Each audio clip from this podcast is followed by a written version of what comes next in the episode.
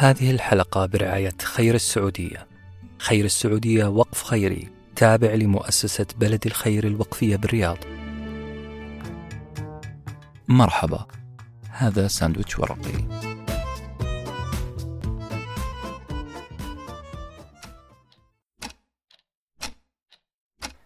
ما عندي وقت. اعترف عزيزي المستمع، اعترفي عزيزتي المستمعة. إنكم شكيتم هذه الشكوى من قبل. أنا ما عندي وقت. صرنا نقولها وكأنها حقيقة مطلقة. بينما الحقيقة كما يدعيها كتاب اليوم تقول الوقت هو شماعة الجميع.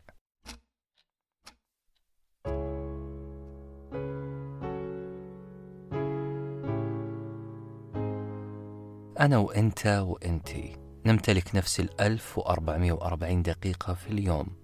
نفس الدقائق اللي يمتلكها الجميع. المشكلة مو إننا ما نمتلك الوقت. المشكلة إننا فشلنا في إدارة ال 1440 دقيقة في اليوم. كتابنا اسمه The Time Trap أو مصيدة الوقت. كتاب قديم نوعا ما لكن المفاجأة إن كل ما ذكرت اسم الكتاب قدام أي أحد قال لم أسمع عنه أبداً. مؤلف الكتاب هو أليك ماكنزي متخصص في موضوع إدارة الوقت متخصص جدا جدا لأنه معظم مؤلفاته تدور حول إدارة الوقت. في كتابه هذا بالتحديد حذرنا من مجموعة سلوكيات أولها التطرف في إدارة الوقت. نعم صاحب كتاب مسيدة الوقت يحذرنا من التطرف في إدارة الوقت. المسألة فقط هي بناء نظام عشان أدير وقتي وليس بناء سجن من المواعيد. بعد فهمي لموضوع إدارة الوقت بدأت أحس أنه حياتي تغيرت فعلا. أصبحت أكثر حرية. لكن خلوني أفصل في عبارة حياتي تغيرت. تغيرت في بداية الأمر إلى تنظيم إلى إنجاز إلى فعالية في الأداء. وصلت لمرحلة إنجازات غير طبيعية مقارنة بالماضي. لذلك قبل ما نبدأ كلامنا عن الكتاب تذكر جملة مهمة جدا. الحرية المنشودة والمقننة هي الحرية التي تأتيك من خلال النظام والانضباط. واحد من أهم الأسباب اللي تخليك لا تحترم الوقت أو بعبارة ألطف شوية واحد من الأسباب اللي تخلينا نتعامل مع الوقت بشكل أقل التزاما هو أنك لم تسمع من قبل بتعريف الإنتاجية. هذه المفردة هذا التعريف اللي ذكره الكاتب في كتابه. أعتقد أنه قصة قصيرة عن اليابان قد تفي بالغرض. يقول مؤلف الكتاب ظهور اليابان في ساحة الصناعة العالمية كان أكبر كابوس واجهنا نحن الأمريكيون. فاليابان استطاعت أن تقلص مستويات الإدارة إلى خمس مستويات فقط. بينما في أمريكا عندنا 11 مستوى. إيش معنى هذا الكلام الغريب؟ وما علاقته بالوقت؟ نبسطها ونقول تخيل أنك ياباني وعندك خمسة عمال. كل واحد منهم يقوم بمهمة معينة. هذه المهام هي تركيب طاولة إيكيا. الأول يفك الكرتون الثاني يرتب القطع الثالث يشرح مانيوال التركيب. الرابع يركب القطع والعامل الخامس يشد المسامير وهكذا. استغرق الموضوع موضوع تركيب الطاولة إيكيا خمس دقائق بواسطة خمس عمال فقط. في أمريكا غير. الأمريكان عندهم 11 شخص كل واحد منهم يأخذ دقيقة في مهمته. يعني عندهم 11 مستوى لأداء المهمة. بشكل مقارب الإدارة اليابانية لديها خمس مستويات فقط لإنجاز المهمة بينما الأمريكان عندهم 11 مستوى. الإدارة اليابانية عملت جاهدة على الإدارة والإنتاجية ووفرت مستويات مترهلة. وفرت أفراد وفرت وقت وطاقة. وطبعا وفرت من سعر المنتج. إذا سألتني سؤال كيف أحسب الإنتاجية؟ بمعادلة سهلة الحفظ نقول الإنتاجية تساوي الناتج تقسيم الداخل. يعني لو أنت مدير فريق لصناعة محتوى مثلا تعال احسب الإنتاجية. الإنتاجية زي ما قلنا تساوي الناتج على الداخل. الناتج اللي هو 100 مقال 100 مقال سيصنع فريق صناعة المحتوى. تقسيم الداخل الداخل في عملية الإنتاج هو الوقت. وخلينا نقول أنه الوقت 20 ساعة.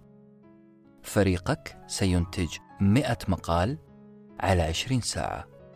100 على 20 إذا الإنتاجية تساوي خمسة.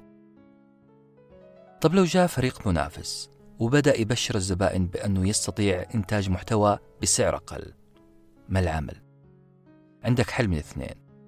يا أنك ترفع الناتج يعني ترفع عدد المقالات وتستمر على نفس عدد الساعات. يعني تطلب من فريقك كتابة 200 مقال مو 100 في عدد 20 ساعة.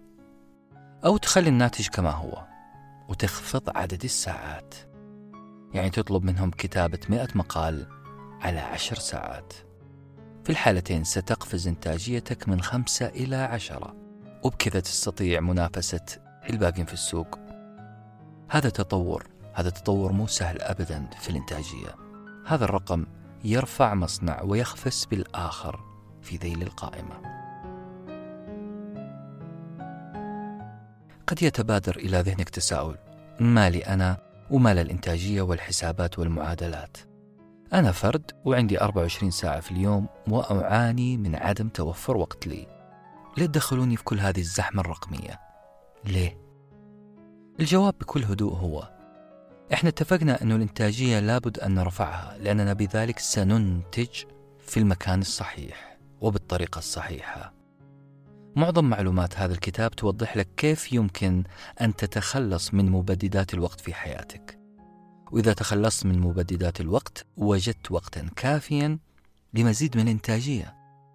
يعلمك الكتاب وضع الأولويات تصنيف المهام الحقيقية إقصاء المهام الوهمية يساعدك كمان تكتشف مبددات الوقت. والأهم أنك تكون مسيطر سيطرة كلية على حياتك وبالطريقة التي تريد أن تعيشها. نجي الآن لأجمل ما في الكتاب. وقد يكون أصعب ما في الكتاب وأصعب ما في حياتي وحياتك. كيف أصيد شبح لا أستطيع أن أراه؟ كيف أستطيع أن أصيد مبددات الوقت كما يقال في لب التشكي تكمن الإجابة. في وسط شكوتك هذه يوجد حل المشكلة أنت تحتاج فقط أن تنتبه للوقت الضائع من خلال تتبع وقتك كله.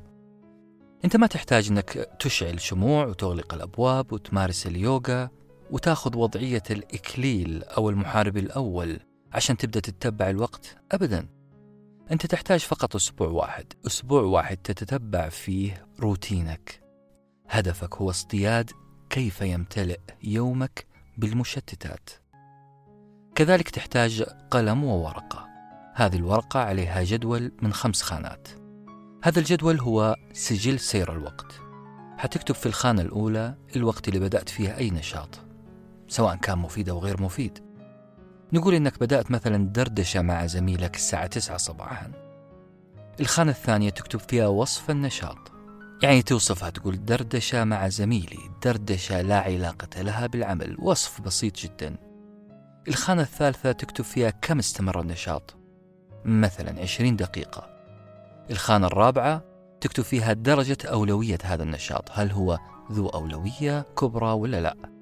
حط الدرجة من خمسة. الأولوية الأقل خمسة والأولوية الأولى واحد. دردشة مع زميل ما تحقق لك أي هدف عملي واضح. وعشان كذا ممكن تحط درجة الأولوية خمسة أقل شيء. آخر الخانات ستضع فيه انطباعك عما حصل. يعني تكتب اللي تشعر فيه فعلا. تكتب مثلا كان حوار جميل ولذيذ لكن حسيت بتأنيب ضمير.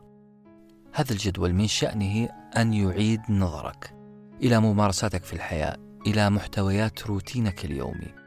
حيخليك تعرف بالضبط وين قاعد يضيع وقتك وكيف أصرف هذا الوقت لإنتاجية أكبر. هذا بعض مما يوجد في كتاب مصيدة الوقت. ركز في القناعات في المشتتات في تتبع هذه المشتتات ثم في استغلال الوقت الضائع. في حفظ الله. هذه الحلقة برعاية خير السعودية. خير السعودية وقف خيري. تابع لمؤسسة بلد الخير الوقفية بالرياض. كنتم مع ساندويتش ورقي وجبة معرفية نتشارك لذتها.